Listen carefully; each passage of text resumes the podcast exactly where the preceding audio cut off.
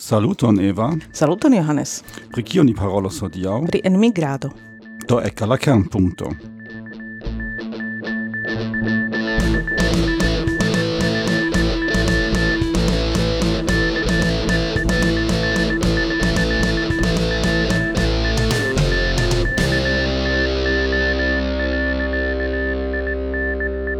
Saluton, estas Kernpunkto la ducent deca episodo, do mi Yes, denove fuŝis la numeron. Ne, ne, ne, estas ĝusta numero, ducentdek. ducentdek, äh, eh, daŭre en Torino, en nia tegmenta studio. Kaj ähm, do hodiaŭ ni fakte äh, traktas la kongresan temon de la äh, kongreso ĉiala, kiu estas ähm, en migrado, kai äh, do por tio äh, ni havas äh, gaston kiu jam estis en äh, nia podcast. Mi pensas ke estis la epizodo cent kvardek ĉu tio povas esti? Äh, do pri fumado antaŭ äh, sufiĉe ekzakte kvin jaroj ne kvar jaroj Aiai. Nu es estis post antaŭ kvar jaroj. En uh, äh, Dubideknaŭ en Finnlando ni faris episodon kun uh, äh, gasto, kaj tiu gasto estas Margaret Zaleski-Zamenhof uh, äh, kai um, Saluton. Saluton, Johannes. Saluton, Eva. Saluton, Mark. Don, cani, uh, eh, do fakte de nove invitis uh, vin pri uh, iu uh, tute alia temo ol uh, tio uh, pri kiu vi parolis antaŭe, ĉar vi havas propra sperto kaj desperto de la familio uh, sufiĉe multon por uh, diri pri la temo enmigrado do enmigri al alia lando kaj integriĝi al la tiea socio. Yes. Kai uh, do vi fakte mencis uh, tiun tiun do skiza tiun historion en en la salutvortoj kiu dum la solena malfermo kai kai mi pensis jes tio estas ĝuste bona temo por paroli en la podcasto kaj mi esperas ke ni povas registri interesan epizodon ĉar ŝajnas ke uh, ke historio kiun vi havas en la familio estas ege interesa. Dankon. Eh, uh, yes, mi pensas ke estas sufiĉe interesa historio kaj mi nun eh, jus ek, ekpensis pri la prahistorio de ciui ĉiuj juddevenaj homoj. Mhm. Char ankaŭ en la en la historio la judoj devis elmigri el la lando kaj trovi aliajn landojn. Kaj en mia familio ni ĉiuj ĉiam ŝanĝas la la landojn. Mhm. Yes. Mm. No fakte eh, se oni prenas tion tiel estas ankaŭ ankaŭ tiel ke estis tiu granda grandaj movoj de la nacioj iam komence kaj fakte tio ĝis nun mm -hmm. kaŭzas iomete eh, la problemojn eh, ĉar eh, dependas en kiu parto de la historio oni rigardas mm -hmm. eh, kiu havas rajton por por esti eh, en ia areo. Uh, yes. tio, tio ciam estas tiel, ke jes, uh, do de mia vidpunkto estas tiel, ke slavoj estis uh, en, la, uh, en la areo de nuna Slovakio uh, antau uh, en la jaro octentiam estis tie, kai hungaroj venis en la jaro mil mm. uh, kai antaŭ ni fakte mm. estis tie la uh, antaŭ ni antaŭ mm. slavoj mm. uh, estis tie keltaj triboj uh, do tio estas uh, tio estas kaj ĉiam ĉiu povas diri ah mi devenas de tie aŭ aŭ ni loĝas tiam ĉi tie longe kaj uh, kvankam Mm, tio jes estas antaŭ tiom longa tempo. Ĉiam homoj iel referencas al tiu historio. Ah sed tio estis nia. Yes yes yes kaj eh, mi uh, mi eh, naskiĝis en Pollando kaj Pollando estis dividita inter la mm, prusoj, la germanaj kaj la rusoj kaj la aŭstro-hungarian naŭ mi ne, ne tre bone konas la historion, sed tamen iu tempo Polando eĉ ne plu ekzistis, do kiam ek existis de nove, estis partoj de Polando, kie la homoj parolas volonte la germanan aŭ la rusan kotopo. Mhm. Do ankaŭ tio povas eh, daŭri pluraj dekoj de, de jaroj. Yes. Do, eh, Kaj mi diris, tio estis mm. eh, iam mia mm. kverelo kun, cun kolego, mm. kiu mm. estas hungaro, kaj diris do, ĉe tiu ci parto iam appartenis a Hungario, kaj mm. diris do, dependas en kiu parto de la historio mm. vi rigardas. Yes, yes. Do tio dependas, char acai same estas en Polando, se vi rigardas la lokon, kiu nun apartenas al Polando, antaŭe gi appartenis al Germanio, kaj antaŭe ĝi apartenis al, al, al Prusio, kaj antaŭe ĝi apartenis al mi ne scias, ekzemple mm -hmm. kai, kai, kai kaj tiam estas malfacile diri mm -hmm. eh, eh, kiu right, eh, kiu pravas, ĉar char do tiu yes, ĉiu eh, eh, homoj kiu loĝis tie kreis ion kai iel plibonigis tiun lokon, espereble plibonigis, mm. sed tiam ĉiuj havas la do ni las ni lasis parton de nia vivo tie kaj ni havas ian rajton por tiu spaco kaj tio estas iomete. Jes, sed mi pensas ke tio estas la fonto de Esperanto ĉar ĉar Zamenhof kiam vi legas en Wikipedio ie ein, uh, oni povas legi ke li estis pola curacisto, ciu?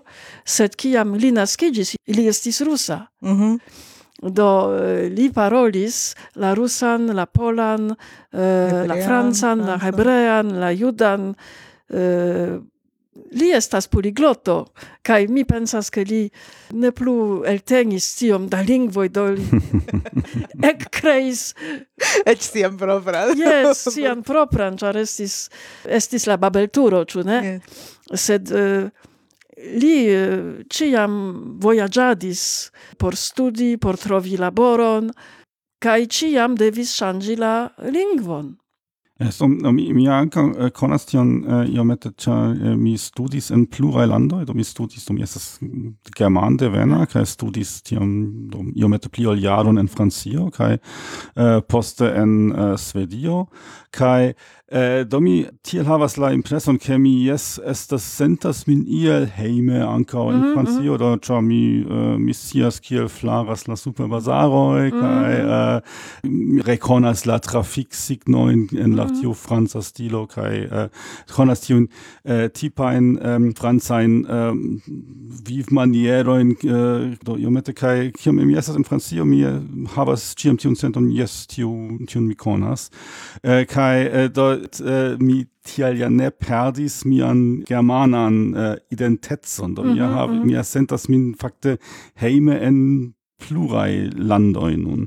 Kaj tio esas fakte sufiĉa en, enriĉiĝo laŭ mi. Yes, mhm. yes. Uh, mi tute konsentas kaj tion mi diris dum la malfermo, mm. sed uh, mi ne havis tempon multe paroli uh, dum la malfermo. Yes, yes, yes, da, mi dankas vin, char estis suffice malfacila sperto. Mi hmm. alvenis en Francio kiam mi havis uh, dec quar, dec fin jaroin, do dum la... Post la bazlernejo, fakte. Post la, yes, exacte, mm post la, post la bazlernejo, sed kiam oni estas uh, dec quin jara knabino, ne estas facila agio, ču? Yes, uh, oni havas eh, problemon kun si mem. oni havas multaj eh, multajn problemojn kun si mem kaj mi devis ŝanĝi la landon, uh, la familion, ĉar mi antaŭe en Polando mi vivis uh, kun mia patrino, sed kiam mi alvenis al Francio estis por esti kun mia patro. Gepatro disiĝis? Yes, ili disiĝis kiam mi havis unu jaron. Mm -hmm. Do cio shangigis en mia vivo subite. Kai eh, de kie venis tiu decido ke vi nun uh, foriras de via patrino kai iras eh, uh, logi kun la patro? Estas eh, uh, complicai aferoi, char estas uh, familiai aferoi, char mina, mia patro, pat, mia patrino ne fartis tre bone kai mi estis uh, pli malpli sola kun si, do ne estis uh, char mia uh, fratino iris al alia urbo por studi, kai la situatio en Polando estis sufice malfacila politike, uh mhm. -huh. Eh, kai ancau estis problemoi kiam oni estis jud devenai, ču ne? Uh mhm. -huh. do, do dio daure estis ec... Uh, ec uh... Yes, do estis pli secure uh mhm. -huh. por la estontezo iri aliloke. Mhm. Kai fakte uh, estis tiel ke uh, iri vi... aliloken, pardonu. Mm -hmm. ke estis ankaŭ tiel ke ke estis tempo kiam vi devis ŝanĝi la lernejon kaj tiam vi finis la, la bazlernejon en Polando? kai uh, kai estis tie la komenco de la nova lernejo to tiam fakte estis elektita ankaŭ tiu tempo pro tio ke yes. estas nun ĝusta tempo yes. aŭ ĉu estis uh, estis uh, simple sendepende de tio kia statas en via uh, en la lernejo vi ŝanĝas nun Ne, mi mi mi mi finis la bazlernejon. Mhm. Mm kai uh, poste Ĉu vi am sciis kion vi volas uh, kie vi volas daŭrigi en en la lernejo en la studado? Aŭ ĉu tio estis nun ne vi finis la bazlernejon vi iras aliloken kaj tie vi serĉu kien uh, kie vi plu studas aŭ eh, ne ne vere ĉar kiel mi jam diris mi mi havis dek kvar jarojn do mi devis daŭre iri al la lernejo, ecz se ne plu estas baz lernejo, sed mez lernejo. Yes, yes. Do mi devis uh, fini la mez lernejon tiu. Yes, sed mez lernejo ne estis ancora electita kiam vi kiam vi translocigis al, al Francio. Yes, char kiam uh, mi diris al mia patro ke mi volis veni uh, al Francio, li uh, sercis mez lernejon por mi, Mhm. Mm kai li trovis internacian lernejon. Uh -huh. Ĉar li pensis, ke estos bone por mi esti kun aliaj junuloj, gejunuloj, kiu devis ŝanĝi lokojn kaj lingvojn kaj ĉiojn. Sed, sed, lingvon vi parolis?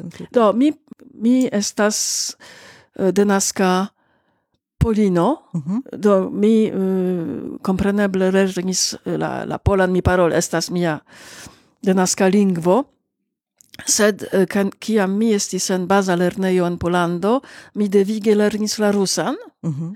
kai mi iomete lernadis la francan, kai char mia patro logis en Francio, do li volis ke mi lernu la francan, sed mi ne estis frua. Kai mi iomete eklernis la anglan, kai kiam mi havis ses jaroin, uh, mia patrino kai la edzo decidis uh, elmigren el Polando kai iri al uh, Britujo. Mhm. Do mi lernis iomete de la angla lingvo uh, tiam, kai poste mi iomete plu lernis. Sed cefe mi, paro, mi parolis flue la polan kai la rusan kiam mi alvenis en Francio. Do, mia patro pensis che estos interesse por mi esti kun aliai Infanoj infanoi qui estis en sama en simila situatio Mhm. sed uh, lau mi ne estis tre bone. Char uh, kiam vi estas uh, adolesco ĉu ne? Vi bezonas lau mi esti facile acceptita vi povas facile adaptigi al la nova lando nova vivo nova lingvo kotopo. Kai mi ne est, mi estis en Francio, sed tamen mi ne estis kun francaj gelernantoj, ĉu? Do Mi... Yes, anstatau integrigi, yes, vi anstata... estis en la aparta eh, bobelo eh, de la homoj yes, kiuj yes, yes. havis uh, kiuj fakte ne regis la, la lingvon, kiuj ne povis yes. tiom facile. Estis, uh, en, en nia klaso oni estis dividitaj en, la, en grupoj laŭ la lingvo nivelo uh, pri la franca kaj pri la angla. La angla estis deviga. Do mi kaj por esti akceptita de miaj kolegoj, ĉu mi devis nepre tuj lerni la anglan. Kaj tio estis tute paradoxa afero, kaj mi venis an Francio, sed miaj eh, kolegoj consideris la francai ne, tel, ne tiom interesaj, char ili estis pli inteligentaj, char li estas, estis angle parolantoj. Mm -hmm. Parolante. En, en, en kiu regiono en Francio estis tio? En Parizo. Parizo. Ah, also es ist dort ĉar tio ofte ankaŭ estas äh, diferenco ist ĉu estas ja Parizo monda urbo kun multa internacia influo aŭ äh, ĉu estas ja do pli flanka urbo? Vi diris äh, antaŭe uh, ion kion mi trovas tute äh, interese Char, char vi diris che vi studis en diversai landoi, kai vi fine uh, sentas vin heime en, en tiu ilando, ĉu ne? Mm. Ke vi conservis vian identitecon, sed pli ricigis, ĉu? Mm. Sed ankaŭ mi, sed tio ne estis tiom facile komence. Char la moroi, la kutimoi, la viv maniero en Francio estis tute aliai ol en Polando, exemple, ciam mi estis uh, knabino en Polando, se iu malsanigis, ciu iris visiti, kai uh, desiri bonsanon, ciu ne? Ciam vi volis vidu in unula alian ne estis problemo, vi iris, char ne estis telefono, ciu? la homoi vivis multe cune kaj dividis multe da aferoi, char estis nenio in eh, Polando. Uh, ancora flanca demando in Polando uh, vi logis ankaŭ in la urbo, ne in la vilaĝo. Yes, au, yes, eh, uh, in Varsovio. Uh -huh. Do la vivmaniero estis estis tute alia kaj ec est, estis la mm, kie, kie oni diras la mm, la humoro, la humoro estis uh, alia, yeah. alia, kiam... Uh, Tu scherzo simple scherzo ali, ali maniere comprenata yes, yes. Do, ali, tutte alia est mi ciam o, estis offendita char mi ne comprenis che il che homo hmm. scherzis hmm. Kai poste kiam anka mi voyagis mi estis mi estis en uh, usono mi estis en britujo mi estis en germanio kotopo mi lernis plurajn lingvojn anka mi fine comprenis che homoi vivas uh, divers maniere, sed kiam vi estas adolesco, tio ne facilas. Yes. Sed post kelkai monato, jaroi, mi fine acceptis min mem, kiel Yes, mi povus diri homarano. Mi pensas, mi pensas che pritio mi havas kia, io met... Yes. Kai kiam, kiam, kiam mi cesis desiri esti exacte kiel la aliai, ancau la aliai acceptis min, kai ni povis ciui pliricigi, giu? Mm -hmm. Do, mi pensas, do tio estas uh, miei cutime, penso uh, pri tio che oni volas uh, esti acceptatai, mm -hmm. oni uh, ciu homo havas, uh, plei multo da homoi, havas tiun desiron mm -hmm. apparteni al ia gruppo. Do, vi estas uh, ciam la uh, persono kiu uh, kiu uh, vi volas apparteni alla vilaĝo aŭ urbo mm. kaj havi ian tian senton ke homoj akceptas vin kaj vi aŭt vi apartenas al tiu grupo kaj tiu homo jes uh, eh, uh, eh, ŝi apartenas al ni vi volas aparteni al la uh, lerneio kai vi volas ke ha homo diru yes si estas nia mm. do do si apartenas al tiu grupo kai same vi havas kun la grupo de amikoj same vi havas en la do estas tiu diversaj grupoj eh, kai oni bezonas tiun senton ke vi estas iel eh, sen kondiĉe akceptata en tiu grupoj kaj se vi havas ilin tiam estas uh, tiam tiam uh, la persono estas contenta sen condice estas granda vorto. Mi pensas che mi sen condice amas mian filon. Sed Yes, oni bezonas esti sen condice acceptata, sed esti sen condice acceptata ne ciom ocasas. Ne, eh, ne yes, ciam yes, ocasas. tiam se vi sentas tion, che yes. ne estas acceptata, do iel ili, iel ili lasas vin ce esti, uh, eh, sed vi sentas che iu havas iain ion contra vi tiam vi ne plus sentas vin uh, yes, uh, comforte vi ne sentas vin secura yes yes kai pro tio estis malfacile char et kiam mi alvenis el Polando et mia maniero de vesti min mm -hmm. estis tute alia ol la la moderna maniero de vesti yes, se vi venas al Pariso uh, yes. Kai urbo de modo. estis estis estis uh, la jaro dek sep tri kaj mi daure havis tiujn eh, uh, mini uh, eh, jupoin kai ne plu estis la modo. Kotopo mi uh, havis um, uh, kiu ja jaro estas mi mi laŭcent sepdek tri do yes. kion mi diris uh, uh, yes, dek sep sepdek yes mi ĉiam Estas es ofte okharas al ĉiuj. Lingvaj influoj. Lingvaj influoj. Yes. Mi pardonpetas. Do, jes, kaj kiel, eh, kiel mi uh, jam diris, por esti akceptata en la lernejo mi devis unue lerni la anglan. Mm -hmm. Yes, kaj, uh, do, set vi, vi, vi tiam havis lekcionojn de la angla kaj de la franca samtempe aŭ ĉu estis uh, kaj en la sama sama nivelo ne kaj nur vi Ne. vi uh, decidis do bone por por uh, esti akceptata en la grupo la angla havas prioritaton aŭ ĉu ankaŭ en la internacia lernejo ciuj en la internacia uh, lernejo en nia klaso ni estis dividitaj laŭ la nivelo por la lecionoj de la franca kaj de la angla. Kaj la aliaj uh, kursoj, ekzemple la profesoro de matematiko klarigis la aferojn en ses lingvoj. Li estis greka, Jes, mi tre bone memoras lin. Do, ĉu ĉu li klarigis en ses lingvoj aŭ aŭ ĉu li en unu unu frazo kapablis enmeti ses lingvojn? ne, li li klarigis en ses lingvoj. Est, Aha, estis tute nekredeble. Nekredebla afero. Eh, sed po, por la kursoj de la franca kaj de la angla ni havis diversajn nivelojn.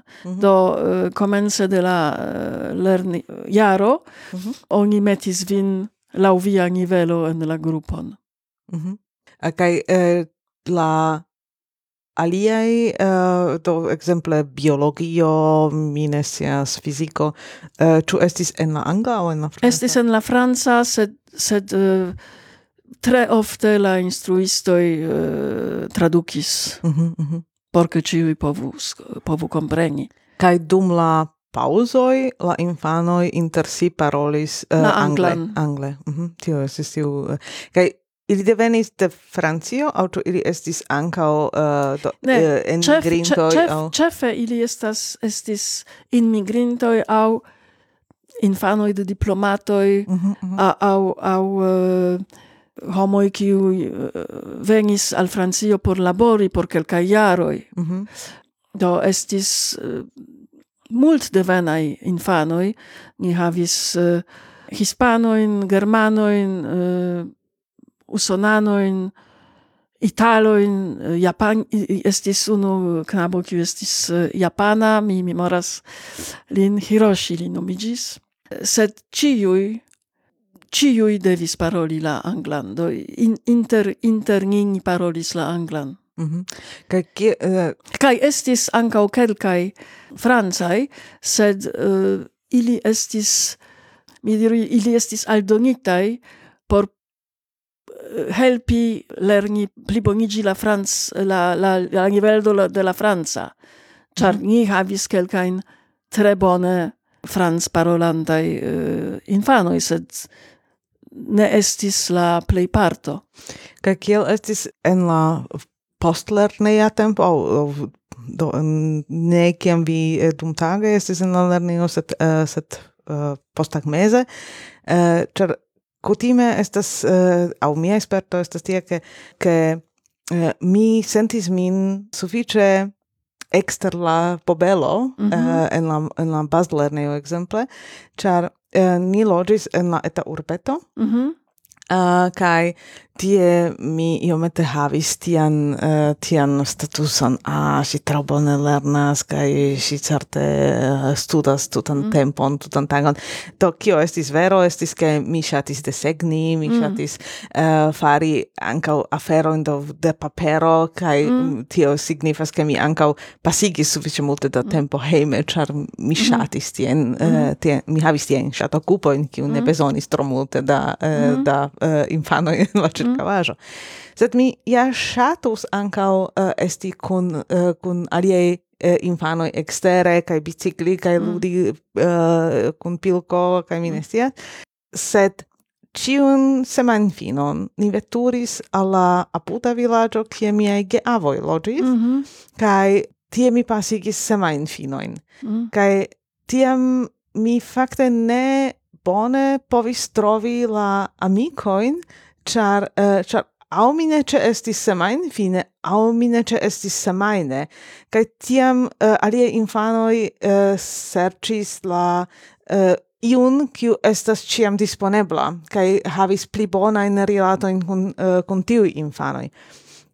Kiel estis uh, kun vi ĉu post la sed tio estis ligita kun tio ke mi mi estis en la lernejo kun la infanoi kiu vere estis de la circavajo kaj ĉiuj infanoi uh, eh, de la circavajo estis en en tiu lernejo.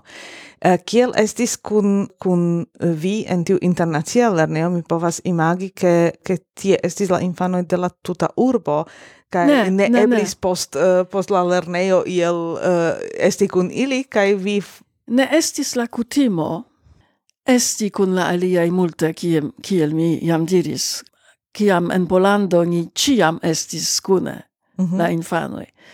Sed tamen mi trovis kelkajn geamikojn, kiuj loĝis uh, proksime. Tio estis ankaŭ en tiu lernejo? Yes, yes. havis aliajn e, ne, ne. amikojn? Ankaŭ, ankaŭ en, uh, yes, en tiu lernejo, ĉar oni uh, ne, ne povis loĝi tre malproksime kaj ĉeesti tiun lernejon. Kaj tio signifas, ke ankaŭ post la lerneo kun viaj amico vi parolis angle. Yes. Do ne estis tiel, ke dum la lerneo vi havas alian lingvon, post la lerneo alian lingvon kaj ili inter ili ili plej ofte parolis la anglan. Mhm. Mm tio iomete uh, memorigas min al tio, kiam mi ankaŭ spertas en mia laborejo, ĉar tiel mi ankaŭ demandis, ĉu estis uh, urbo aŭ aŭ ĉefurbo aŭ eta urbo, ĉar uh, se vi estas en granda urbo, kiu havas tiun internacian aŭ aŭ la anonimecon de la granda urbo, vi tute bone povas fakte sen uh, integrigi vivi en tiu urbo, ĉar la tuta uh, socia infrastrukturo funkcias por vi ekzemple mi loĝis nun uh, uh, tri monatojn en Slovakio en Bratislava por lerni la slovakan kaj mi tute povis bone kaŝiĝi tie en la anonimezzo de la de la granda urbo kaj uh, uh, ne havis tiun devon uh, integrigi kun la najbaroj uh, kaj do mi spertas en mia laborejo tion ke ke estas multaj homoj kiuj venas de aliaj landoj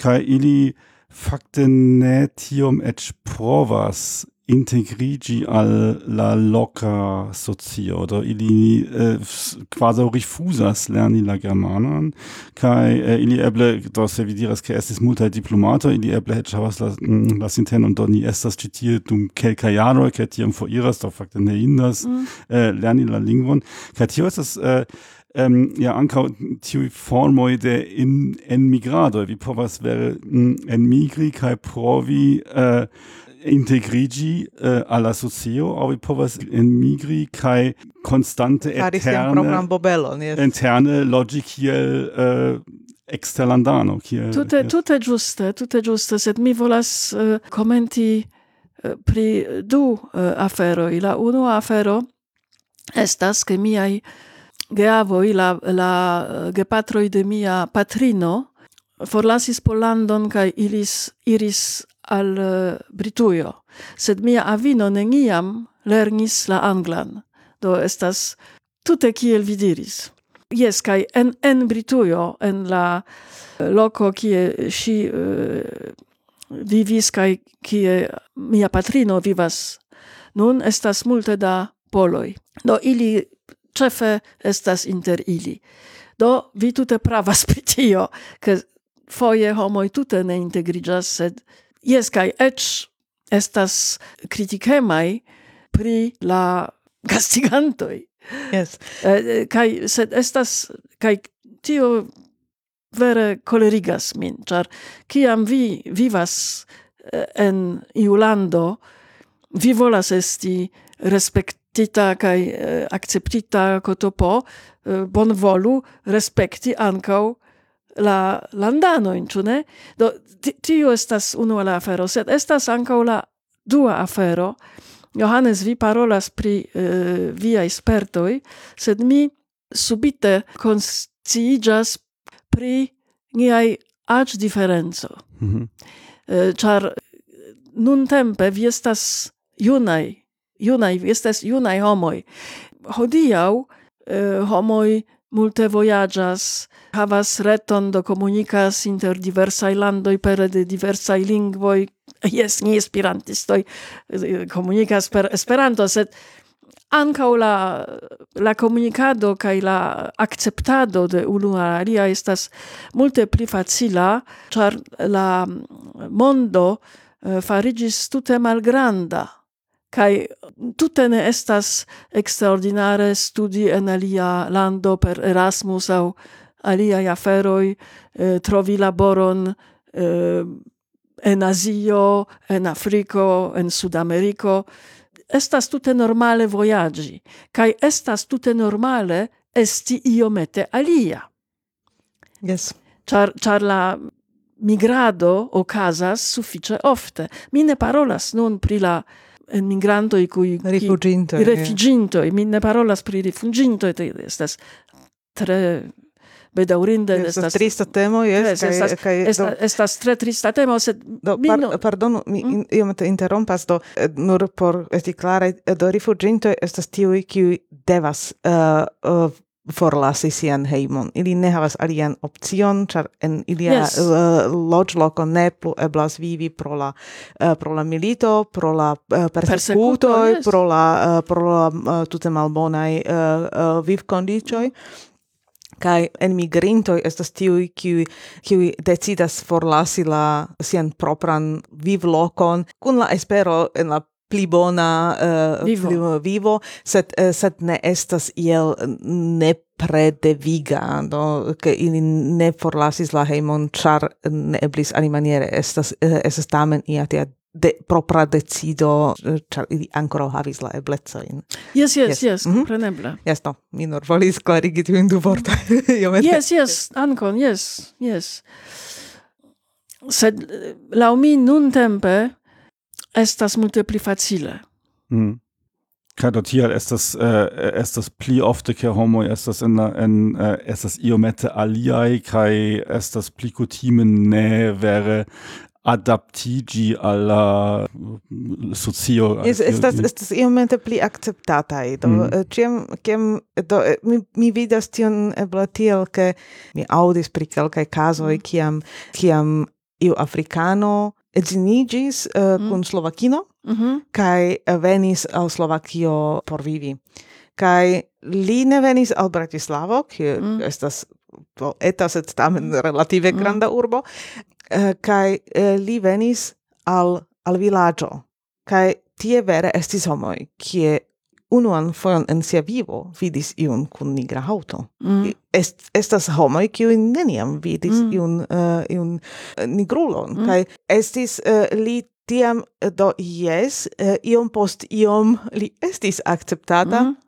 Sed tiu procedo estas uh, estas tute alia ol ol en la urbo. Mm. En urbo neniu montras uh, al tia mm. persono per la fingro kaj infano ne staras kun la malfermita buŝo do tio estas tiu uh, tiu diferenco kaj tiu aĝa diferenco kiun uh, vi mencias inter ni estas do estas nun pli kaj pli tiaj homoj kiuj jam spertis la mondon iomete kaj vidis kaj eĉ se ili devenas de la vilaĝo mm. ili tamen uh, iomete vojaĝis kaj vidis la diversajn vivmanierojn en la mondo kaj tiam ili estas ankaŭ pli pretaj akcepti tiun alien viv maniero ne ciui devas sabate purigi kai uh, mm. dimanĝe manĝi eskalopon.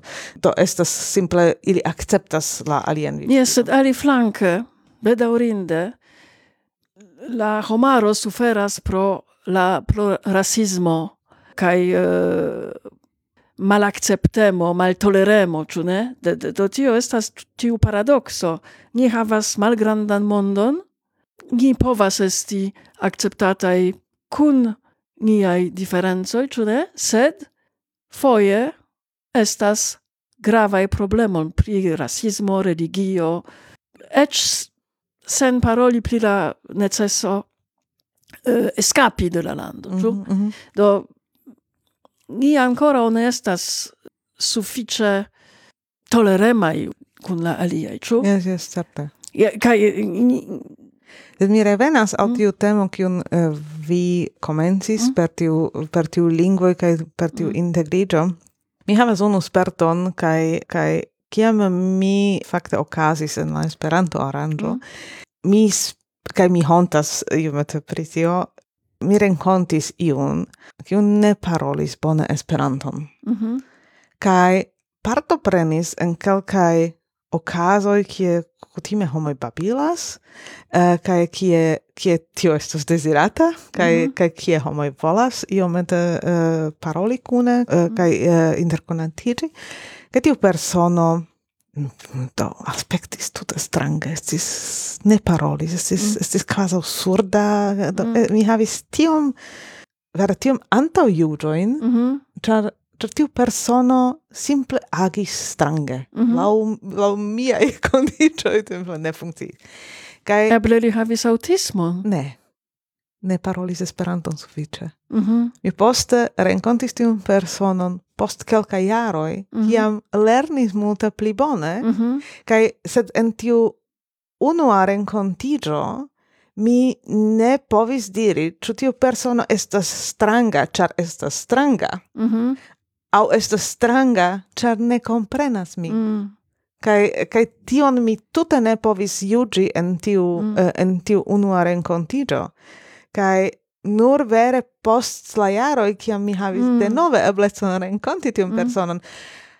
Aha, mm. do mm. estes, estis la lingva problemo. Mm. kai mia devis iomete uh, consibri tio, cer nia estis en la, en la ses, en la uh, Esperanto studanti, estas multae commentantoi, mm. Mm-hmm. sed mi simple iel havis en la kapo tiu persono estas mm. esperantisto, kai jes, do, mm-hmm ne volas paroli, estas mm. stranga. Kaj kaj sed tio donis al mi tiam uh, tiun spegulon ke por multaj homoj mi povas aspekti tute strange, ĉar mi ne parolas la lingvon kaj tio uh, tio ne nepre signifas aŭ ne parolas sufiĉe mm. bone la lingvon mm. kaj tio ne nepre signifas ke che mi estas malbona o che eh, set ili povas juĝi min lautio char mi ne integriĝas mi mm -hmm. ne mhm. partoprenas la, la aranĝojn in kiun mm. ili partoprenas, kaj mi simple ne komunikas mm. kai per tiu ne komunikado estas denove la, la mm. tiu sama buklo per tiu ne komunikado ek estas la la problemoj kai yes. miskompreni. Eh, Tio okazis ankaŭ al mi, kiam mi alvenis en Francio, ĉar la aliaj infanoj konsideris min idiota, ĉar mi tre malrapide parolis kaj ne komprenis bone, do ili ne, ne tute ne volis paroli kun mi, ĉar mi estas tiu idiota. Mhm. Sed en Esperantujo ni havas tre interesan kutimon, ĉu ne? Pri la pinĉiloj. Vikona slavinčine. Pinčilo in ist es, äh, es ist äh, fakte Sofiče Bona Eblina äh, vas klarigi, ali jo je auskultant, to je SS oni povas en la congresso preni pinčilon au ruđan, au flavon, ne, verdan. Verdan, verdan. Kaj Tiam uh, oni povas tiun uh, do elekti kaj meti la uh, pinŝilon al la nomŝildo ekzemple mm. kaj verda uh, uh, pinŝilo signifas ke mi estas komencanto ĉu ne? Uh. Jes la verda la verda pinŝilo signifas ke mi uh, mi petas ke oni babilu kun mi ke oni estu pacienca ke oni helpu min plibonigi integrigi yes. plibonigi. Yes, kaj integriĝi. Kaj la ruĝa signifas mi jam estas spertulo kaj mi pretas helpi vin. Mhm. Mhm. Do vi povas, vi estas bonvena por paroli kun mi. Do tio solvas la, la aferon. Pri, yes, pri... yes, giuste. Ĉar vi ne rekonis tion. Yes. Mi havis la... Ili ne, yes. ne havis la pinĉilon. Ili ne havis la pinĉilon ankoraŭ, ne?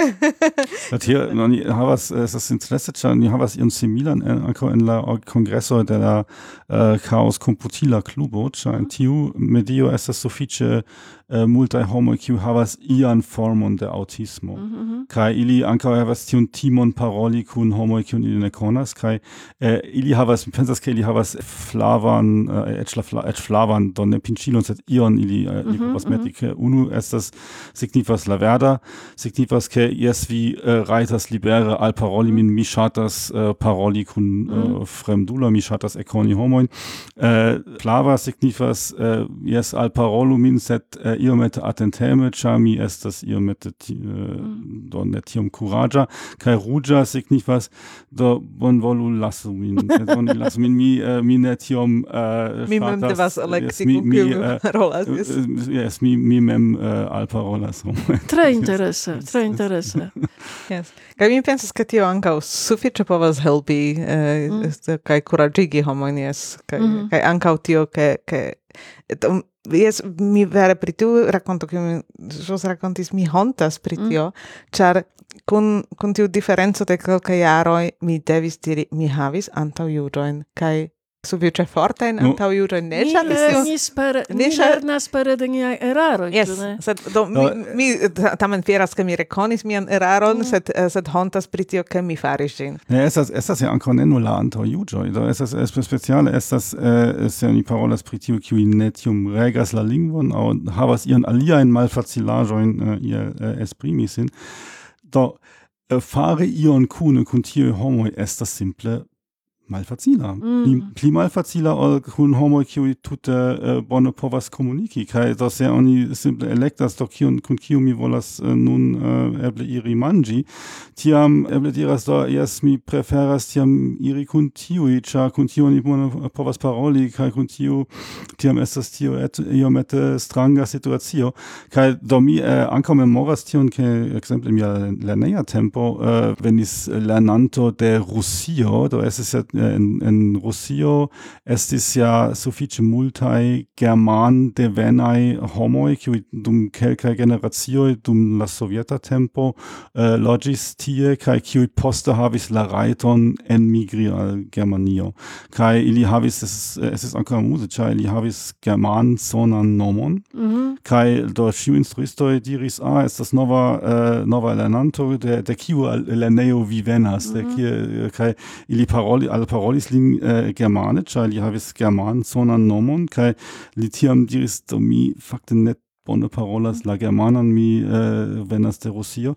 Kai tiu havis sufiĉe mal uh, facilaĵon trovi trovi amikojn kaj mi ankaŭ pensis nu bone, jes mi komprenas tion kaj mi uh, dediĉis iom da mm. energio por uh, por tiam uh, do invitis lin hejmen kaj uh, uh, faris ion kondiĉa uh, tio estas estas ja pli malfacila mm. kaj ne estas simple nur la antaŭjuĝoj laŭ mi. Mm. Estas uh, Esto certe estas ankaŭ pli malfacila uh, do mia sperto estas mi ja translokiĝis al Germanio mm. kaj mi lernis la germanan antaŭe sed kiam mi venis al Germanio mi ankaŭ venis kun la nesufiĉa nivelo mm. por uh, por labori mm. nesufiĉis kaj estis kolego kiu simple ne havis emon paroli kun mi angle. Mm. kai, kai daure parolis, parolis germane kai germane kai fine ancau dank al tio mi eh, nun capablas do mi ne restis an tiu mm. angla lingua mm. bobelo, sed, eh, sed povis eliri cin, kai, eh, kaj mm. nun mi povas labori to sam nivel mm. dependas ne dependas ĉu mi parolas uh, angle aŭ aŭ germane mm. kun la kolegoj mi simple povas ŝanĝi la lingvon mm. libere kaj por la laboro Mm, in ambaŭ lingvoj uh, funkcias, sed tio daŭris ja minimume tri jarojn tiu mm. ke oni devis esti pacienca kun mi mm-hmm. ĝis mm. kiam uh, eh, ĝis kiam mi atingis tiun mm, nivelon. La germana la germana ne estas tre facila lingvo, ĉu? Do mi fajfas pri la gramatiko. sed mi volis aldoni ion. Ankaŭ mia fratino forlasis Pollandon kaj nun ekde tre longe ŝi loĝas en Usono. Mm -hmm.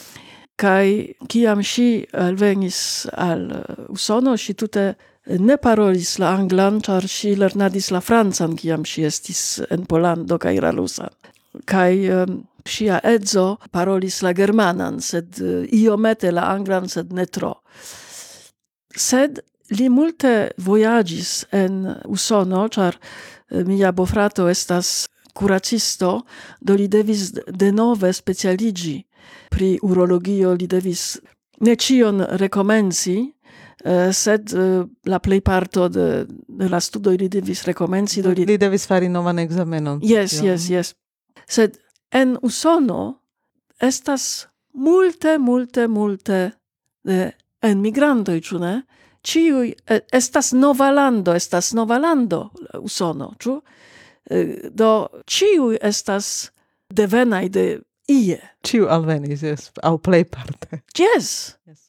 Y, krom la, la na, naciaj yes, indiĝenoj, jes. Jes, sed y, la aliaj estas estas alia afero, ĉar kelkaj pensas ke estas pli valoraj kaj devenas de mi ne scias de tiu lando aŭ vi komprenas yes, yes. mal malpli valoras kaj devenas de alia lando sed tamen ĉiu devenas de ie kai ec la la homo ne havas tiom da auto juĝoj pri la prononco kotopo kaj ĉiuj estas eksterlandoj.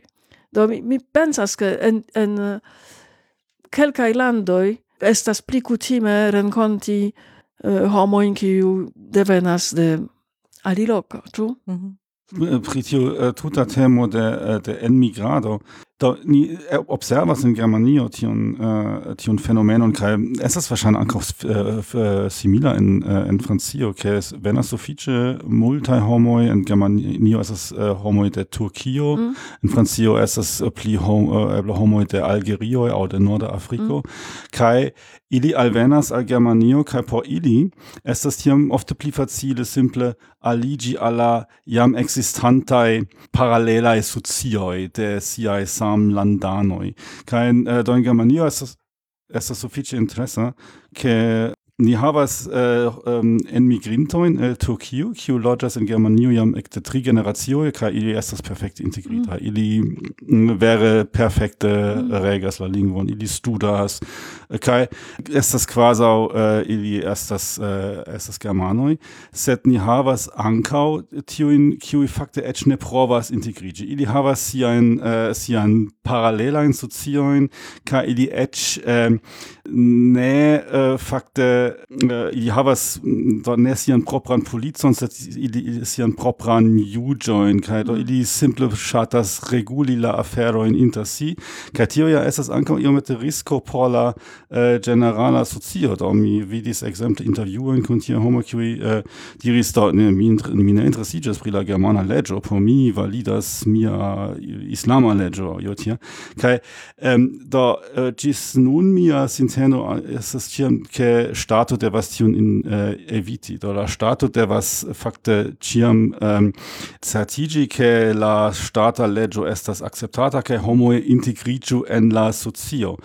Uh, samtempe es es ankaŭ tie ke oni devas agnoski ke en la sekva jardeko estos multe pli da mm en migradoj simple por la klimata mm -hmm. ŝanĝiĝo por multaj kialoj ni observas uh, observos uh, multe pli da migradoj multe pli da en migradoj kaj ĉu tiam fakte funkcios ankaŭ tia integriĝo aŭ ĉu tiam ni vidos multe pli tiaj paralelaj äh, et devas akcepti tian paralelajn mhm, mm -hmm. äh, äh, sociojn. Do, äh, kun tio estas tiuj bobeloj, ki ni, äh, en ki ni mhm. vivas, mm. kai äh, do se mi alvenis al Germanio, kai mm. mia bobelo estos fakte loĝi kun Johannes, kai mm. mi ne, ne, ne serĉas la mhm. Slovakoin en, mm. uh, en la ĉirkaŭaĵo uh, kai fakte ankaŭ iomete rezistas fari tion ĉar uh, to estas bele renkonti iun kiu parolas mm. la saman lingvon sed samtempe tio iomete bremsas min por lernado de la loka lingvo mm se mi vere besonus iel esprimi min, mm. mi besonus se iu auscultu min, tiam mi versaine farus. Do, mm mi eh, uh, non tempeto au mi estas contenta kun uh, eh, mm. kun uh, eh, tiu bobelo anche mm. uh, mi vivas sed uh, estas tiel ke foi oni havas tiun senton ke neniu komprenas neniu auscultas kion mi diras kaj tiam oni serĉas tiun uh, tiun bobelon kaj tiam tiu bobelo de la propra lingvo blokas de la integriĝo al la pli granda grupo sed yes Yes, sed tio estas lau mi antau iugio. Char se mi pensas che se mi besonas paroli vere profunde kun iu kai ke mi bezonas ke oni komprenu min bone kai por tio mi devas uh, iu uh, kiu parolas uh, la polan tiu argumento ne suficias por mi char mi conas plurai polai homoi sed ili ne ne necesse estas homoi kiu bone komprenas min eble li comprenas kion mi diras uh, concerne la vortoin, yes. sed ne concerne miai sentoi, ciu? Mm -hmm. Do, se, se ni pensas che compreneble homoi kiu devenas de nia patralando comprenas nin pli bone, tion mi ne plu credas. Es, no, Johannes foje diras che tio che ni parolas la sama lingvo ne signifas che ni estas amicoi. Ne. Tute ne. Tute ne. Krom Esperanto. Ankaŭ tio eble. Foje ne, mi ŝercas, mi ŝercas. Sed eh, jes, eh, jes, eble estas iu afero eh, la patrino, la la la kiel oni diras. Uh, la, la lingvo de la patrino, ĉu? Mm -hmm. Do Yes, yes. Mm. La patrino consolas vin kiam vi, kiam vi bezonas. Ĉu sed ne nepre. Mhm. ne nepre.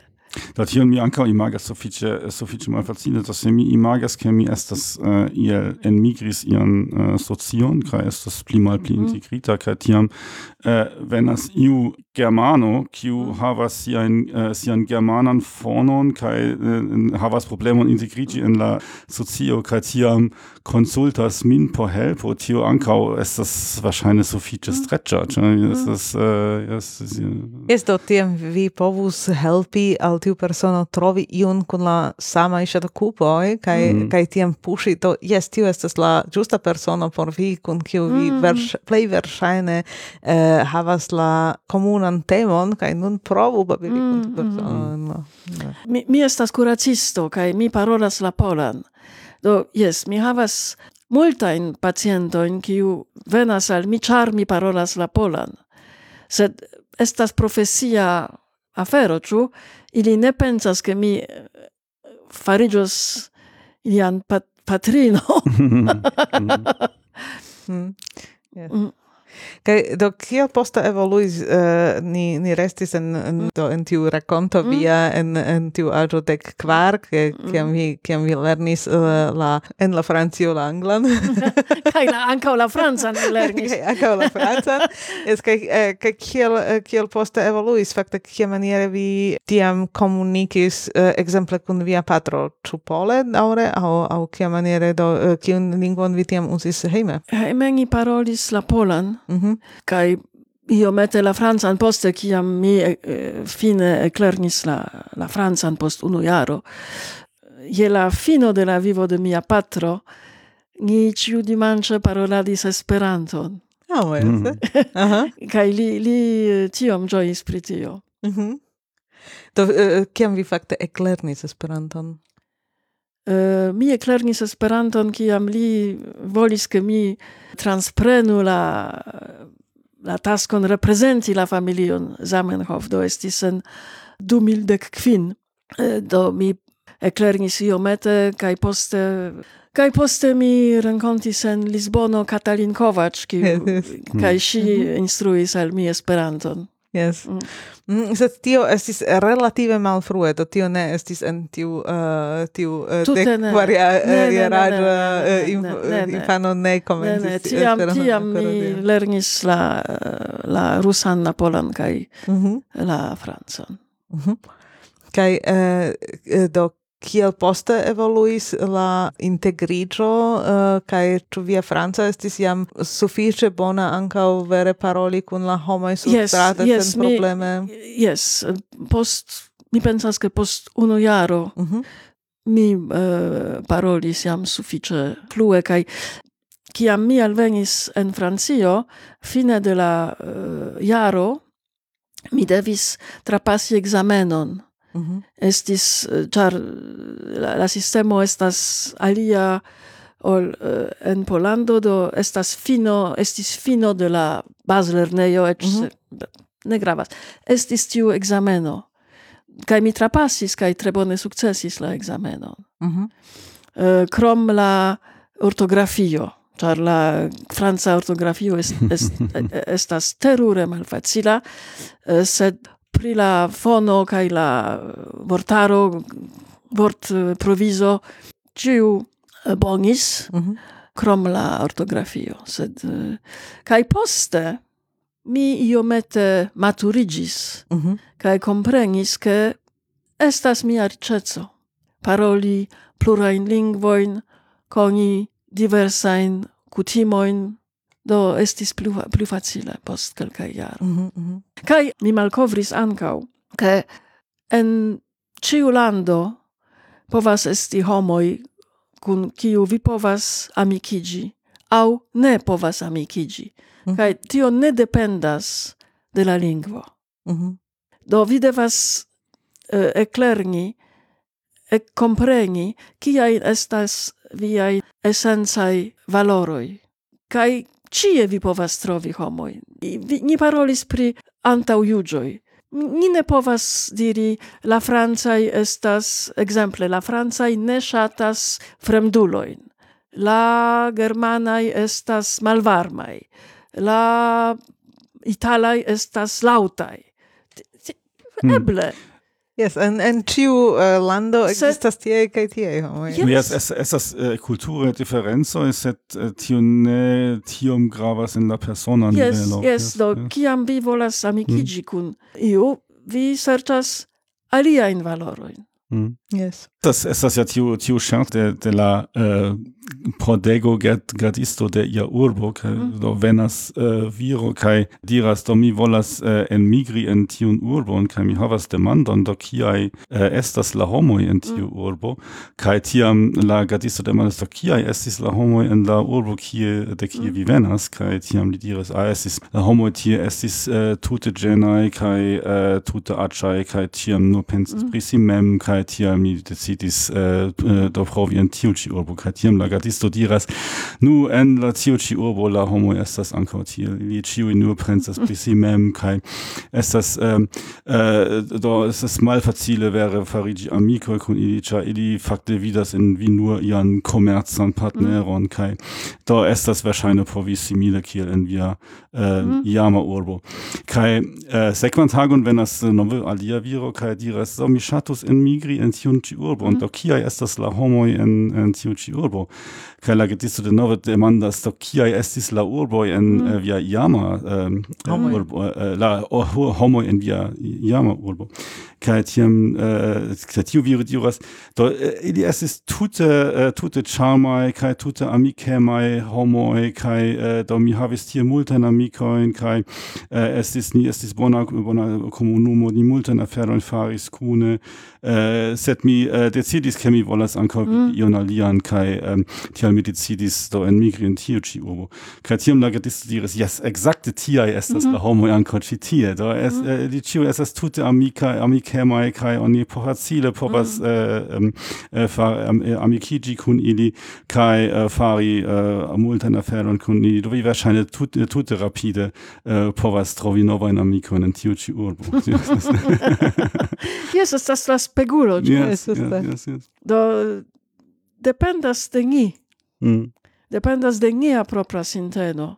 Kia estis la lingua situatio poste, uh, exemple, en via familio, con, eh, uh, kai rilate alla extera mondo, do, uh, do tu vi vi plene integrigis kai vi yes. iras ir, iris studi yes. kai uh, kai kiel estis kun la aliaj familianoj do vi ah. ekzemple diris ke vi uh, ke via fratino estas en Usono uh, via patrino restis en polando ne au, kaj poste ŝi iris al Britujo do kia kia maniere funkciis tiu tiu ah. komunikado en la familio ĉiuj parolas la polan mm sed poste venis la nova generacio kaj mm mi havas filon kaj eh, mia fratino havas filinon, kaj la, la filino de mia eh, fratino parolas iomete la polan. Sufiĉe bone eĉ. Eh, ĉar ŝi parolis kun la gepatroj la polan, sed la patro de mia filo estas franca. Do mi ne sukcesis instrui la polan al mia filo. Mhm. li simple rifusis paroli. Mhm. li ne parolis. Kaj vi ne insistis. li rifuzis paroli. Mi, par, mi provis paroli la polan, kaj la patro parolis la francan, kaj li ne parolis. Bone. Do, fine, li, li ec parolis sed la francan, kaj dum sufiĉe longe si, si, li ne parolis la anglan, kaj lernis, eh, lernis tre bone la anglan, kiam li vizitis Japanion. no, tio ŝajnas. sed, eh, sed gis... Eh, tiam comparis la japana o la angla. yes, char, kiam li estis en la mezlernejo, mm. li uh, lernis la japanan kaj la anglan. Kaj do, tiam ŝajnis la japana tro komplika. Do, do, do, ne, ne, do ili iris al Japanio, sed li estis en ju uh, campuso, ĉu? Mhm. Hmm. Uh, kaj ĉiuj parolis la anglan, do li eklernis la anglan. Estis tre amuze, sed fine estis tre bone, ĉar li fine povis komuniki kun la avino, ĉar mia Eh, patro, Kiel funkciis antaŭe? mia pat ne funkciis. Do, Ca, kai ĉar, es, ne estis Google Traduction, traduction. tradukilo, yes. Mm. Eh, kai, eh, do, do, kiam vi visitis por, por kiom longai tempo vi visitis, au, au ĉu, ĉu ciam iu tradukis por li, au, Yes, au kiel, ca- kiel funkciis? Yes, eh, kelkaj vortoj li komprenis en la pola. Mhm. Kelkaj vortoj, yes, mia, mia patrino konas multe da vortoj en la franca, sed ne vere povas konstrui frazojn, sed Mhm. ah, ili iomete elturnigis, sed estis tiom komplike, kaj mia, fra, mia patrino tiom suferis pro tio, ke ŝi ne kapablis komuniki kun la nepo. Mhm. Sed nun ili fine tre bone komunikas, sed dum jaroj Mhm. estis ege malfacile. Kaj ili ne povis uh, komuniki kun la uh, kuzino, ĉar uh, ŝi parolis la anglan kaj la polan, Mhm. kaj li parolis la francan punkto. Mhm. Do estis sufiĉe komplike dum jaroj. Mhm. Kaj tio dum jaroj, kiom, kiom da jaroj tio daŭris, kiam eh, li eklernis? Mi pensas, ke li vere eklernis la anglan, kiam li... O ekparolis. Eklernis verŝajne jam antaŭe. Yes, yes. Ekparolis. Uh, kiam li estis circa dek sep, Mhm, mhm. Jes, do eble tio estas la simila situacio kiel uh, havis Johannes ĝis nun, ĉar uh, ni dum jaro jam visitas Slovakion Mm. kaj Johannes estas sufiĉe granda talento por la Mm. lingvoj kaj kaptas uh, uh, Mm. kaptas tuj kelkaj Mm. eh, kelkajn frazojn sed uh, sed ankaŭ ne estis uh, tia ke li povus vere iel uh, iel Mm. plene komuniki do t- sufiĉis diri por uh, uh, aŭ respondi ĉu vi volas manĝi ĉu vi volas trinki ion mm, eh, eh, sed nun eh, ĝis nun estis tiel ke do mi mi ĉiam tradukis Mhm. eh, aŭ aŭ eh, ili komunikis kun ekzemple kun mia avino ĝis kiam ŝi ankoraŭ vivis nur tiel ke ŝi montris al Mm, li mm. no balon mm. aŭ tian ĉi kaj Es estis, estis eh, sufiĉe amuza tiam, eh, tiam iomete observi tion, kiam, uh, kiam ekzemple ili restis mm-hmm. mm. hejme uh, kun la avino, kaj, kaj kiam ni venis, ah, kiel li komunikis, kiel li komunikis. Mm. ah, yes, yes. Es kaj nun, nun li la, ja, lernis la slovakan iomete, kaj komencas ankaŭ paroli, kaj, mm. kaj tuj estas Tiam mie gepatroi, ah, li estas tute alia homo. te- mm. Estas simple, oni vidas tiun personon alimaniere, kiam oni povas iom pli komuniki. Yes, yes certe, certe. Kiam, eh, ĉu vi ankoraŭ eh, dum viaj studoj iel, iel ankoraŭ provis aliajn lingvojn, aŭ ĉu vi restis ĉe la franca? Ne, mi, eh, do mi lernis la, la rusan en Polando, kaj poste mi ler- lernis la francan kaj la anglan, kaj uh, poste mi lernis ankaŭ iomete de, ger, de germana, Mhm. kaj poste mi lernis Esperanton. Eh, Sed nun mi tre volonte lernus la hungaran kaj la hispanan. Mhm. Sed eble kiam mi emeritiĝos. Bone. Mm. Eh, kaj kiam, a post kiam da tempo vi havis la senton ke vi apartenas jam al al Francio? Ĉu vi havas tiun senton ke, yes, ke, yes. Francio estas nun nun via devena lando? Ne, mi Polando kion, estas kion, mia devena lando. Sen, eh, est, eh, yes, eh, sen mia... Kion landon vi havas sur via ŝildo? Mi havas Francio, Francion. sed kiam la malfermo oni demandis kiu venas el Polando ankaŭ ankaŭ tiam mi ekstaris. Do, Mhm. ĉar yes, mi devenas Yes. el Polando kaj kaj Francio, ĉu? Yes, do, do vi vi sentas Mi eh, sentas vin, min franca. eh, franca. Yes, ĉefe. Eh, Kaj kaj tiu sento venis kiom post via uh, alveno? Mi akiris francan naciecon, kiam mi havis dek naŭ jarojn, mi pensas. Mhm. Kaj mi tiom ĝojis. Kaj estas fine libereco, kaj en... Vi antaŭe devis ĉiujare eh, iri al la oficejo ia kaj Eh, yes, kaj kaj havis kaj tien- kiam mi volis vojaĝi, mi diris antaŭe, ke mia fratino loĝis unue en Polando, poste en Usono, mia patrino en eh, Britujo, estis sufiĉe komplike, mi devas voja mi devis vojaĝi. Sen kul kun la pola pasporto oni ne povis vojaĝi, oni ne povis havi la pasporton. Mhm. Eh, kiam vi volis vojaĝi, vi devis peti la pasporton kaj peti vizon. Kaj kiam mi akiris la francan naciecon, mi subite povis vojaĝi libere, nur kun la um, identiteco... Ja, Identigilo, yes. Yes, Mm. Mhm. do estis tiom facile. Kaj yes, mi, mi studis medicinon, mi, mi konstruis mian vivon, mi sentis min hejme fine. Vi ankaŭ havas ian perton kun tio ke homoj ne akceptis vin, ĉar vi havas uh, uh, polan nomon kaj uh, kaj do vi diris ke en en via kuracista Mm. uh, vivo Mm. uh, homoj serĉas vin ĝuste pro tio Yes. ke vi parolas polan.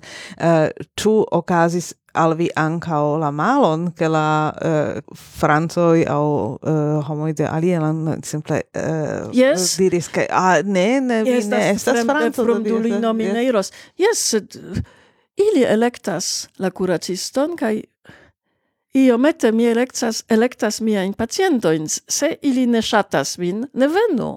Mhm. Kaj en persona nivelo, ĉu ĉu tio, ĉu vi havis ian tian sperton, do ne, ne ke homoj ne elektis vin kiel kuracistinon, sed uh, iel, iel do malbele agis, ĉar uh, ĉar vi estas enmigrinto? Kiam mi estis tre juna, sed Mhm. ne poste. Mhm. Ĉar poste ili ne plu kuraĝis, ĉar mi sentas min sufiĉe bone, do ne estas problemo. Do kiam oni sentas, ke estas problemo por vi, oni serĉos i- eble fragilecon, ĉu? Mhm. Sed se vi ne havas, oni ne serĉos ĝin. Mhm. Kaj uh, via franca, do uh, ĉu iu ankoraŭ povas rekoni, ke ĝi ne estas via denaska lingvo, aŭ ĉu uh, via franca nivelo estas tiel, ke, ke ili, uh, ili demandas, ah, de kiu regiono vi Yes, venas? de kiu regiono, ĉar eble mia prononco ne estas tute franca, sed Mhm. Ne. Sed ili, ili pensas, vi devenas de Francio, sed en la alia Au eble Belgio. Mm -hmm. Yes, kai fine tio ne estas tiom mm. grava afero. Estas mm. tre grave, ke oni comprenu vin. Kelkaj aferoj estas tre gravaj, porque oni lernu bone prononci.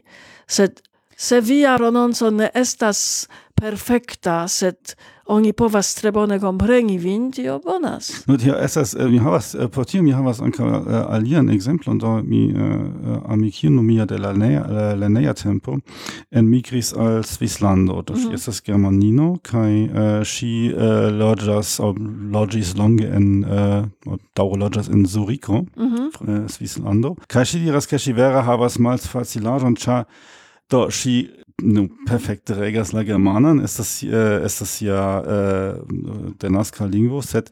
Schidiras du frasoin kai tui homo reconas schien mhm. kiel germaninon kai mhm. äh, tiam iam iel condutas ali maniere. Estas tie mhm. ancor tiai äh, tiai iomete dominet valastiri problemoin sed estas iomete tensio inter la germanoi kai la svissoi en äh, mm. en Zurico.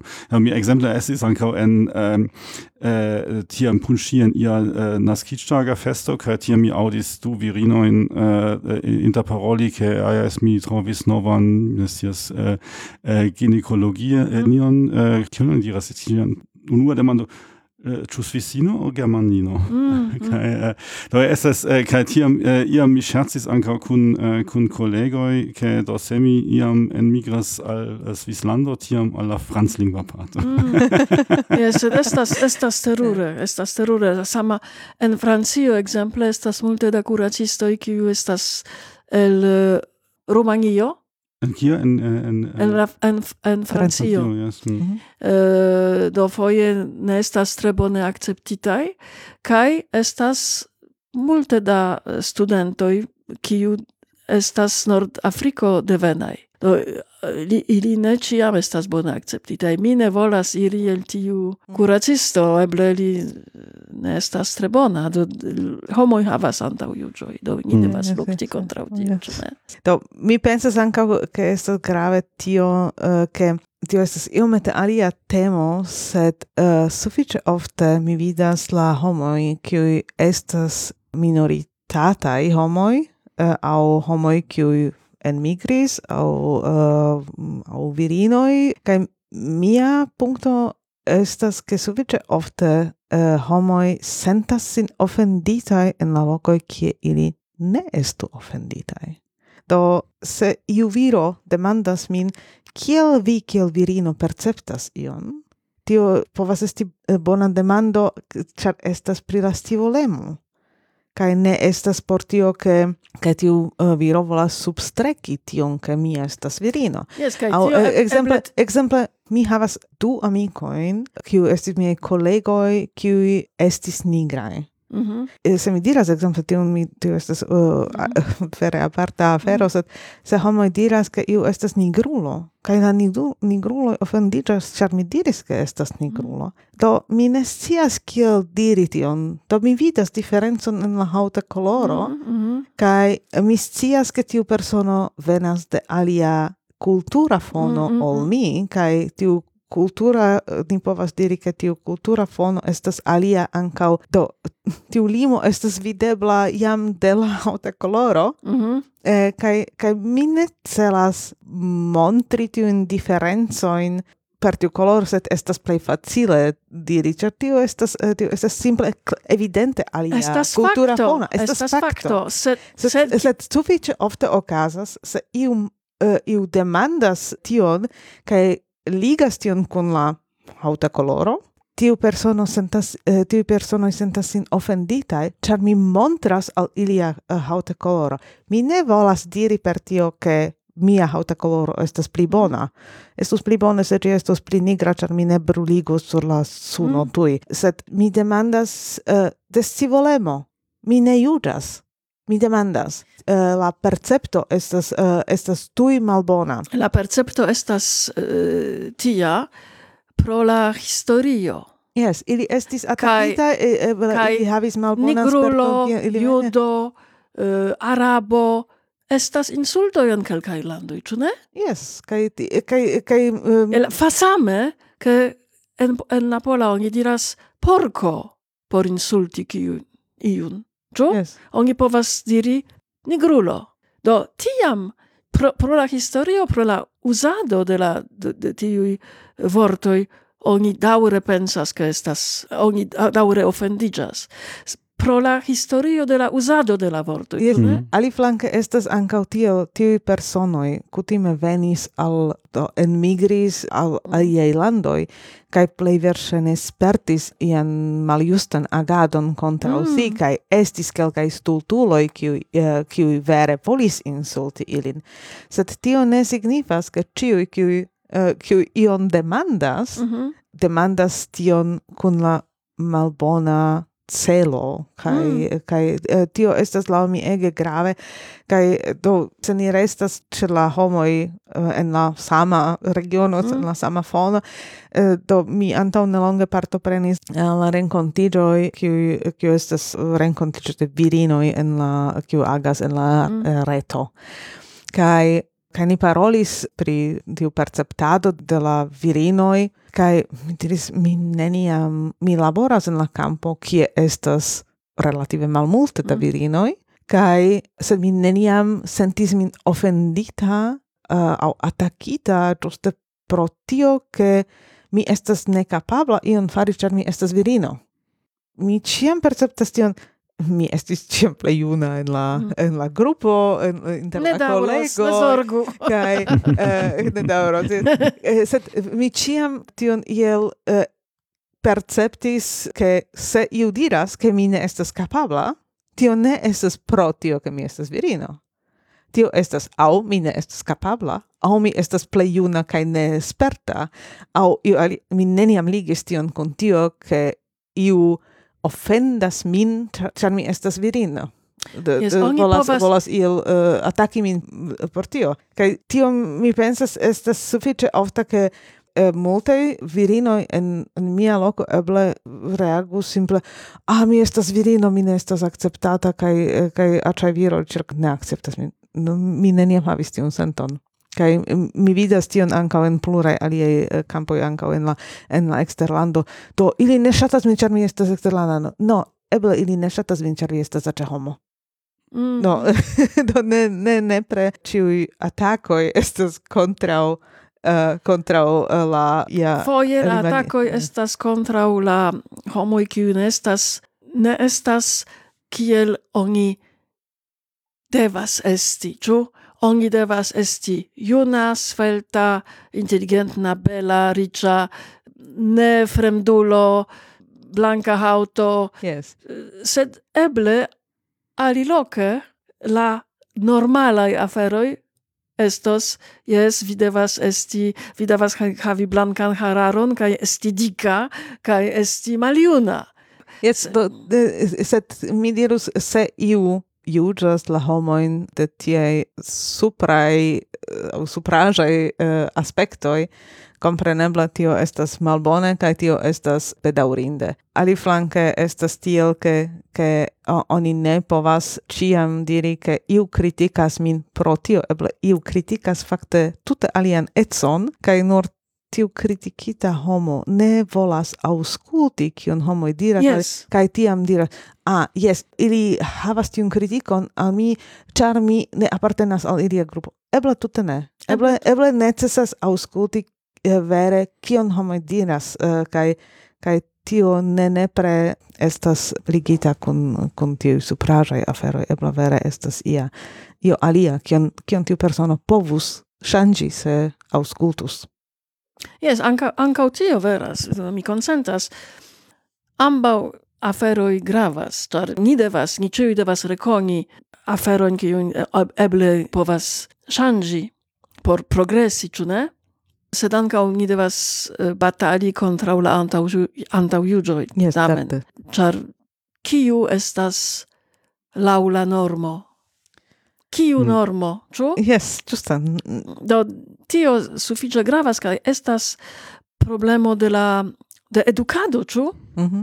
S- Se oni instruas al la infanoj en lernejo la egalecon, la se oni preventas la juĝojn, kotopo se oni vere laboras pri tio, ke oni mia uh, filo estis en tiu lernejo, kie estas multe da japanoj li ne estis en internacia, lernejo kiel mi, sed en lernejo, eh, mez, mez lernejo kiu estas, estis multe da japanoj kaj aliaj fremduloj.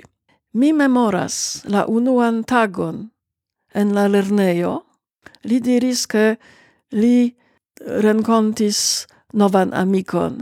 Do mi uh, demandis kiu li estas kaj kia li estas. Do li diris la nomon, li priskribis diversajn aferojn kaj poste ili, li invitis la knabon hejmen. Kaj la knabo estis nigrulo. Sed mia filo eĉ ne rimarkis tion. Mhm.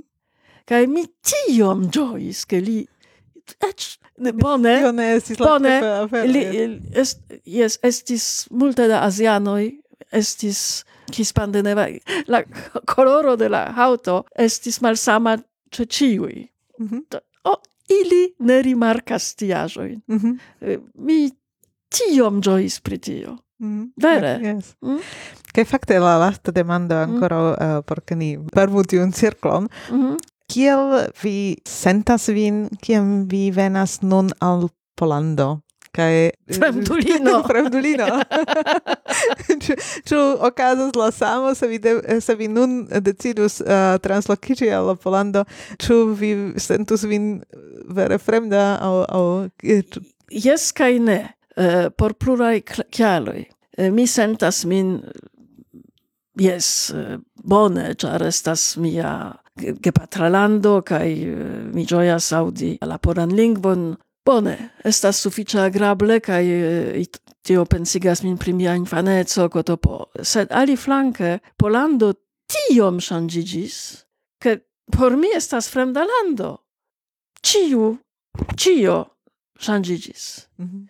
Estas Mi, mi estas tio estas estas tio estas fakte de la tio tempo maŝino kiu yes. uh, kiu estas nekredeble uh, kiam mi estis knabino Polando estis sufiĉe malriĉa lando kaj politike tre malsama hodiaŭ la vivmaniero estis tute alia, la, la butikoj estis tute alia, la manĝaĵo estis tute alia.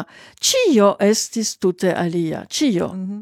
do mi malkovras Polandon kiam mi iras Mhm. kaj mi miras pri tio necredeble sed tamen mi sentas min bone kaj mi sentas min hejme Mhm. Mhm. Kaj eh, tio ĉefe estas eh, estas denove vi komprenas homojn. ne mi komprenas la lingvon Lingvon. Ĝuste. Ĝuste. mi komprenas la lingvon ne ĉiam ĉar ankaŭ la lingvo evoluas Mhm. tial mi sufiĉe ofte nuntempe spektas um, polajn eh, seriojn aŭ aŭ aŭ filmojn en eh, Netflix kaj estas pluraj kaj mi miras pri tio kaj tiuj mm, filmoj bone montras la ŝanĝon Mhm. kaj la evoluon kaj kiel eh, la studentoj junaj homoj nu- nuntempe vivas estas tiom malsame compare al mia infaneco kaj uh, junuleco tre interesse Tion verŝajne eh, diras same la homoj en via aĝo kiu neniam forlasis Polandon. oh certe Yes. certe Ja, se tio fak ja tra, travivis la ŝanĝon kaj li ne estis for kaj revenis kaj tiam ĉio estis alia. Yes, kaj dum sufiĉe longa tempo mi tute ne visitadis Polandon. Mhm. Mm. Do kiam mi unufoje revenis post mi ne scias eble dek jarojn, mi kom komencis plori, ĉar mi estis ekstreme eh, kortuŝita, sed poste mi ne plu, re, ne plu rekonis ion ajn. Mhm. Mhm. Kiu aĝo vi kuraĝus ŝanĝi la landon? Mi pensas che nun mi capablus changi multe pli facile ol kiam mi estis pli juna. Eh, Char nun mi scias pli precise kio estas vere grava por mi. Mhm. Do ne necese estas la lando, sed estas eh, la homoi kun kiu eh, mi estas, estas la circaŭaĵo, Mhm. ĉu politika, ĉu eh, natura, ĉu mi ne scias. Mhm. Sed nuntempe miaj veraj valoroj mi havas kun mi. Mhm.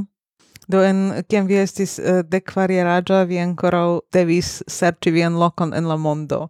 Kaj nun vi scias kio estu via loko en la mondo kaj egalas kie ĝi estas. Yes, tia. Yes, egalas kie. Nu, Ne egalas, ne egalas, sed char mi scias ke kompreneble mi ne volas vivi en lando eh, en kiu estas milito, en kiu estas prosekutoj, en kiu estas rasismo, en kiu estas eh, kompreneble, kompreneble, sed mia hejmo estas kiel mi fartas bone che mi Yes. mia familia mia familiano fartas bone che mi sentas bone tro No, uh, estas uh, unu citaĵo, pensas ke tio estas de Mastro de Ringoj, ke ci ein homoj loĝas eblas loĝi bone. mm? Kaj do jes kompreneble tio uh, tio Mhm. ankaŭ ne inkluzivas la la lokoj kiel Mhm. uh, kiel militaj areoj kotopo, sed aŭ per kie homoj Mhm. uh, estas persekutataj, sed ĝenerale to se oni elektas la landoin dependas vere de tio kion kia persono estas ene mm. kaj povas circa si construi mm, tiun, mm, tiun yes, bobelon yes, yes, yes. Uh, de, la, Kiet. de, la, de la ligoi mm. Mm-hmm. kai eblas veni ien kaj kaj konstrui novan amikaron novan Mi eh, tute novan- consentas, kiel vi uh, sekvis Johannes por esti kun li en Germanio, do estis nova lando, sed estas via heimo, ĉu? Yes. Es, es, estas tamen unu problemeto, se mi tute abomenas ne compreni la lingvon. Ke kiam mi estas en lando eh, en kiu mi ne konas la lingvon, mi vere suferas pro tio, dai, char mi vere volas komuniki kun la homoj kaj kapabli kompreni kaj esprimi min kaj mi kiam mi ne, ne povas mi suferas pro tio. Yes, ni antaŭ Mm. antaŭ hieraŭ estis en la pizzejo ĉi Mm. tie kaj volis eh, volis eh, Mm. aĉeti pizzon kaj la posedanto demandis nin ĉu ni konas Egiption au io simila io simila kaj kaj estis ankaŭ tio. Ah do mm. mi mi ne povis respondi mi ne sciis pri kio li mm. parolas. Kaj mm. kaj estis estis tiu tiu eh, uh, no, normal tradu per la mano. Ni che comparenas estus estus ege bele havi ancora iomete da iom da conversatio sed ni ne havis comuna lingua. No jes estas terure. Yes bone estas estas uh, ilo kiu estas tute mirinda in un tempe uh, per de kiu oni povas facile komuniki krom mia cara Esperanto, sed estas la iloj por traduki uh, yes Mm. tuj. Ja, Tio funkcias do pli kaj pli bona jes, tio tio Mm. ankaŭ rimarkis. ja. Mhm. Mm. yes bone uh, do ni faris jam tiun cirklon ekde ekvojaĝo ĝis uh, ĝis la eblecoj ankoraŭ aŭ aŭ preteco ankoraŭ ŝanĝi la landon. Mm-hmm. Do eble tio ne estas uh, de la vidpunkto de la rifuĝintoj kaj tion uh, ni povas mm-hmm. eble trakti kun aliaj gastoj mm-hmm. kiuj havas uh, tian sperton en alia epizodo se pensas che eh, vi donis al mi suffice interesse in informen che ni havis la rigardis la discuton de de flore flankoj de Johannes Adrian. Mm yes, dankon estis estis ege interese. Dankon. Dankon pro la intervjuo. Kaj eh, kiel ĉiam ni dankas nian aŭskultantojn kaj ni revenos baldaŭ. Ĝis. Ĝis, ĝis.